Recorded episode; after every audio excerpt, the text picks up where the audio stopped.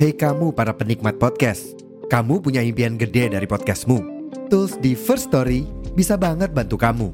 Mulai dari F-Link, Dynamic Audio Insertion, sampai statistik yang komprehensif, semua ada di First Story. Gak ketinggalan, kamu bisa monetisasi podcastmu lewat iklan dari First Story Ads yang bisa kasih kamu penghasilan dari setiap place podcastmu. Yuk gabung sekarang dengan klik di firststory.me. Sekali lagi, di firststory.me. Mari kita bawa mimpi podcastingmu menjadi kenyataan.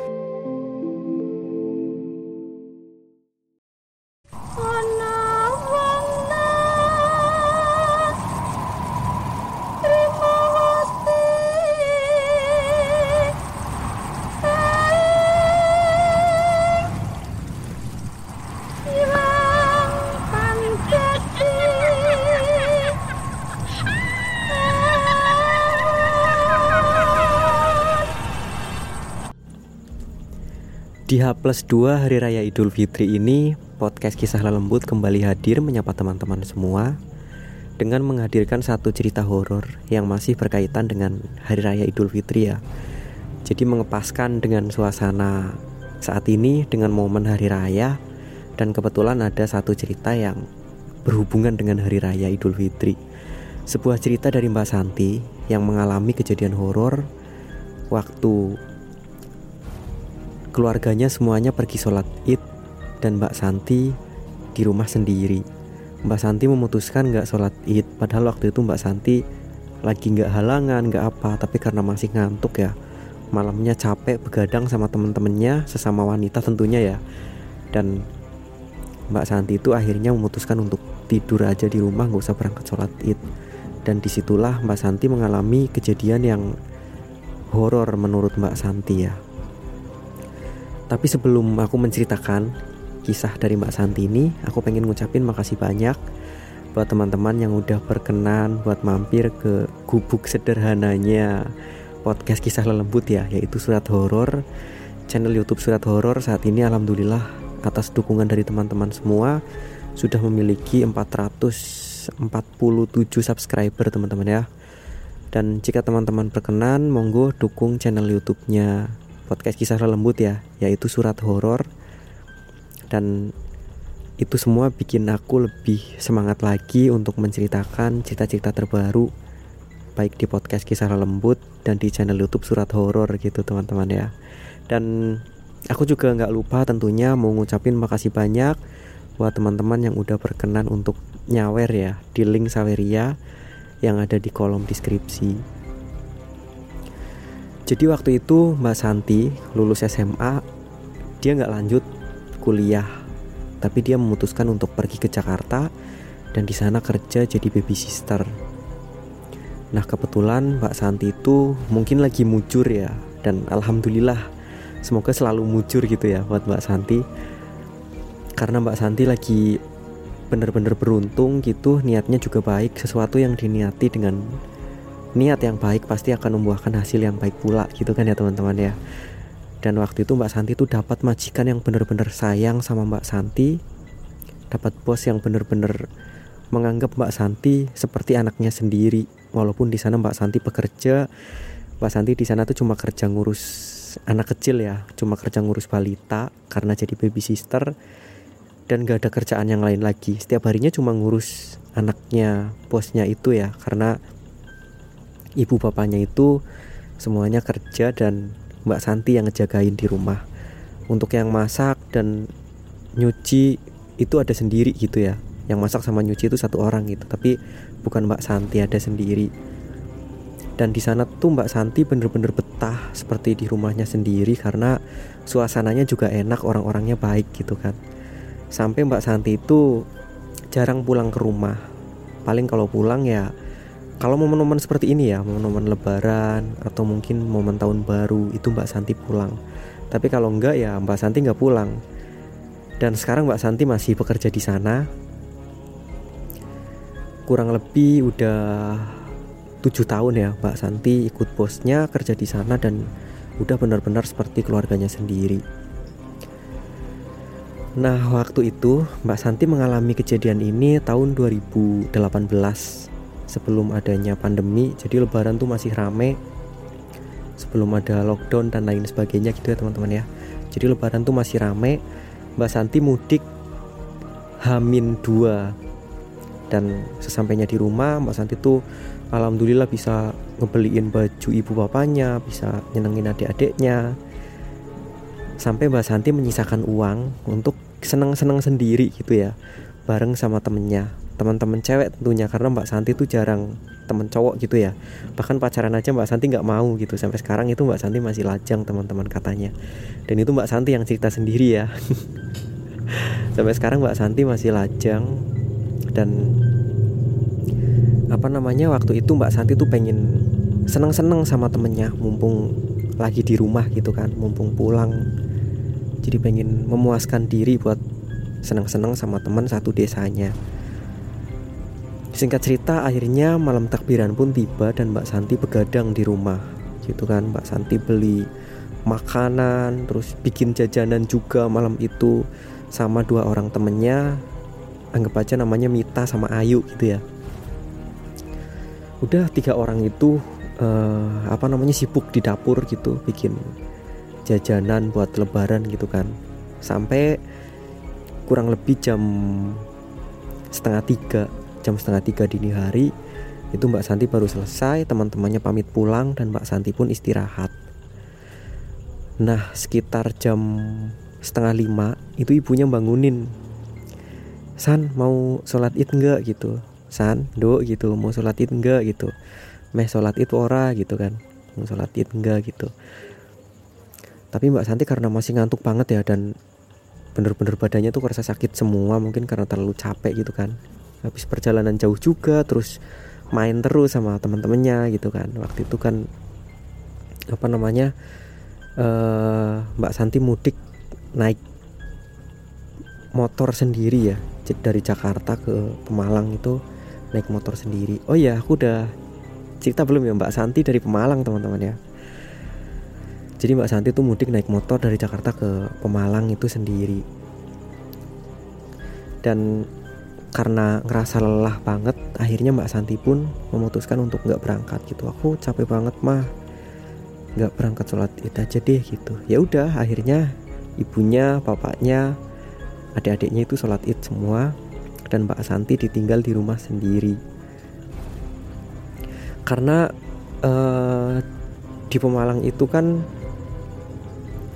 bukan di Pemalang ya khususnya di daerahnya Mbak Santi gitu di komplek mungkin di Pemalang juga iya ya karena eh, rata-rata uh, tuh masyarakat Indonesia tuh kalau Lebaran bener-bener semangat banget buat sholat id gitu kan. Dan begitupun juga di tempatnya Mbak Santi di kompleknya Mbak Santi di masjid lingkungannya Mbak Santi itu kalau Lebaran tuh hampir semua warga itu pergi ke masjid buat sholat id. Jadi ada kemungkinan Mbak Santi tuh di rumah sendiri gitu nggak ada siapa-siapa rumah kiri kanannya juga sendiri. Jadi emang nggak kemungkinan lagi tapi emang Mbak Santi itu bener-bener sendiri di rumah. Dan kemungkinannya tetangga kiri kanannya juga sepi gitu kan. Akhirnya Mbak Santi memutuskan untuk mengunci pintu depan semua pintu dikunci dan Mbak Santi tidur lagi. Ah nanti kalau pulang juga bakalan gedor-gedor gitu kan. Tapi uh, baru sebentar Mbak Santi tidur ternyata sekitar jam 5 ya jam setengah enam lah. Itu semua orang rumah tuh udah berangkat semua dan alarm HP-nya Mbak Santi itu bunyi bunyi keras banget dan itu bikin Mbak Santi kebangun lagi kan. Dan Mbak Santi nggak bisa tidur lagi. Waktu itu karena udah siang ya udah terang lah. Jadi Mbak Santi tuh nggak ngerasa takut di rumah sendiri apa gimana tuh enggak gitu sama sekali nggak nggak ada rasa takut sama sekali nggak ada firasat apa pun. Sampai Mbak Santi tuh ngerasa heran tiba-tiba dari arah depan dari arah ruang tamu itu kayak ada suara sapu lidi. Suara orang nyapu tapi pakai sapu lidi gitu. Nah Mbak Santi kan heran gitu kan. Mbak Santi bener-bener heran karena ini suara orang nyapu kayak di dalam rumah gitu kayak di ruang tamu. Udah gitu nyapunya pakai sapu lidi lagi apa udah ada yang pulang? Apa gimana? Gitu kan. Di sana Mbak Santi tuh dengerin gitu kan. Dengerin suara itu. Ya didengerin. Ternyata emang bener itu suaranya tuh dari arah ruang tamu dan ke arah belakang. Gitu. Jadi bakal melewati depan kamarnya Mbak Santi pas gitu sana Mbak Santi heran kan siapa ini yang nyapu gitu? Apa udah ada pada udah ada yang pulang gitu kan? Tapi kalau denger speaker di masjid itu ya itu masih takbiran. Bahkan sholat id itu belum dimulai ya. Karena mulai itu jam setengah tujuh sholat id tapi udah pada berangkat karena biar dapat tempat gitu kan. Udah Mbak Santi terus ngedengerin suara orang nyapu itu. Dan Mbak Santi tuh mulai aduh jangan-jangan ada orang masuk nih karena di dalam ada perhiasan dan lain sebagainya gitu ya punyanya ibunya. Setahu Mbak Santi itu ibunya punya beberapa perhiasan gitu dari hasil uang tabungannya gitu ya.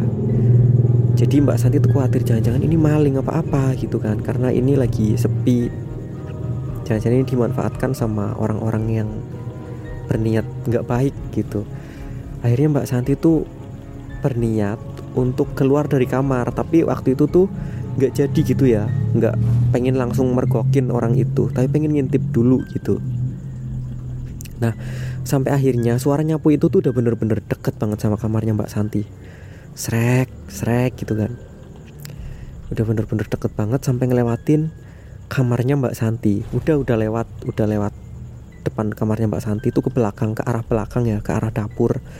Nah di situ Mbak Santi baru berani buat ngintip. Toh kalau misalnya itu orang setidaknya aku ngintip dari belakang gitu kan.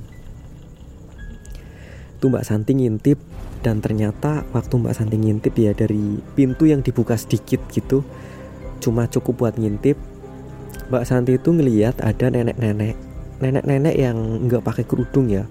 Itu rambutnya tuh putih semua gitu dan rambutnya udah tipis gitu kan.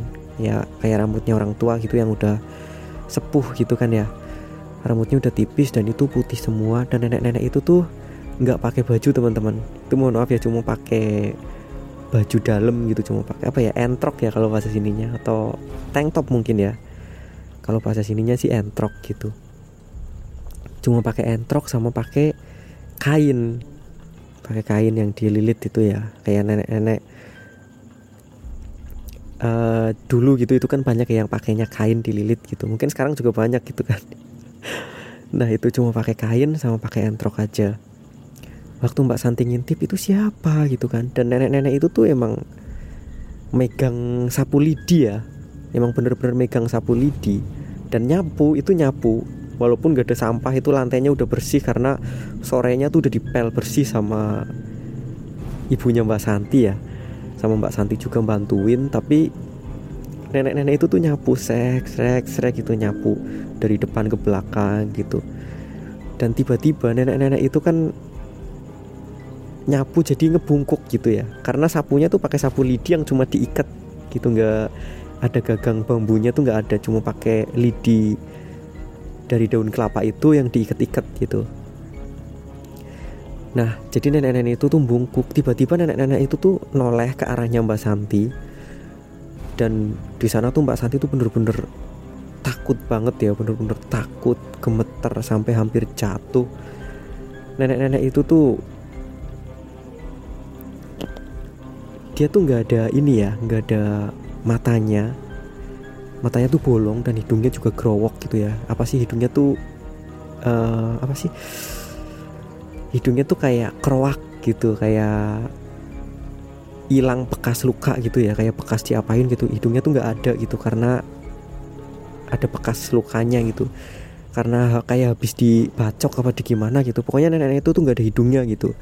Dan bibirnya juga mohon maaf sumbing gitu ya. Itu tuh noleh ke arah Mbak Santi. Dan nolehnya itu tuh cepet banget. Zit, sambil ketawa hehehehehe gitu. Wah di sana kan Mbak Santi kan langsung lemes Mbak Santi tuh nggak bisa teriak nggak bisa apa. Itu tuh cuma lemes duduk melut-lutut sambil nangis ya. Sambil nenek-nenek itu tuh tanya kedengeran tanya tak kancanin do kue ke orang melur ya katanya gitu. Tak temenin neng gitu ya kalau pas Indonesia tak temenin ya gitu. Kamu kok nggak ikut sholat id? gitu.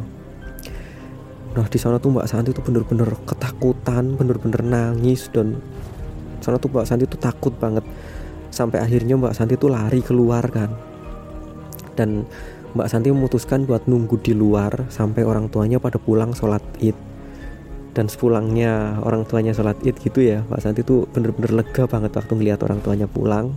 Waktu lihat keluarganya pulang Mbak Santi langsung nyungkem belum mandi belum apa gitu langsung nyungkem ke bapak ibu.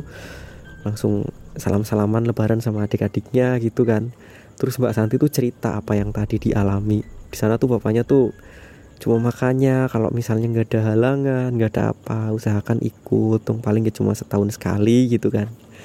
Dan Mbak Santi tuh di situ tuh nyesel gitu ya. Iya ya paling setahun sekali gitu kok. Aku nggak ikut sholat id gitu kan. Makanya aku ngalamin kayak gini. Rasanya tuh kayak mim kayak mimpi kata Mbak Santi ya dan itu dia teman-teman satu kisah dari Mbak Santi ya sepenggal kisah dari Mbak Santi di suasana lebaran ini dan terima kasih buat teman-teman yang udah dengerin ceritanya. Semoga bisa menghibur teman-teman semua di suasana lebaran ini. Dan tentunya aku mohon maaf. Tentu banyak kesalahan baik di tutur kata aku maupun di audionya yang mungkin kurang baik gitu teman-teman ya. Aku mohon maaf yang sebesar-besarnya. Harapan aku semoga teman-teman selalu sehat dan selalu menjaga kesehatan, selalu dipermudah rezekinya, selalu diberi kelancaran segala urusannya. Terima kasih banyak buat teman-teman semua. Kita berjumpa lagi di episode yang selanjutnya. Wassalamualaikum warahmatullahi wabarakatuh.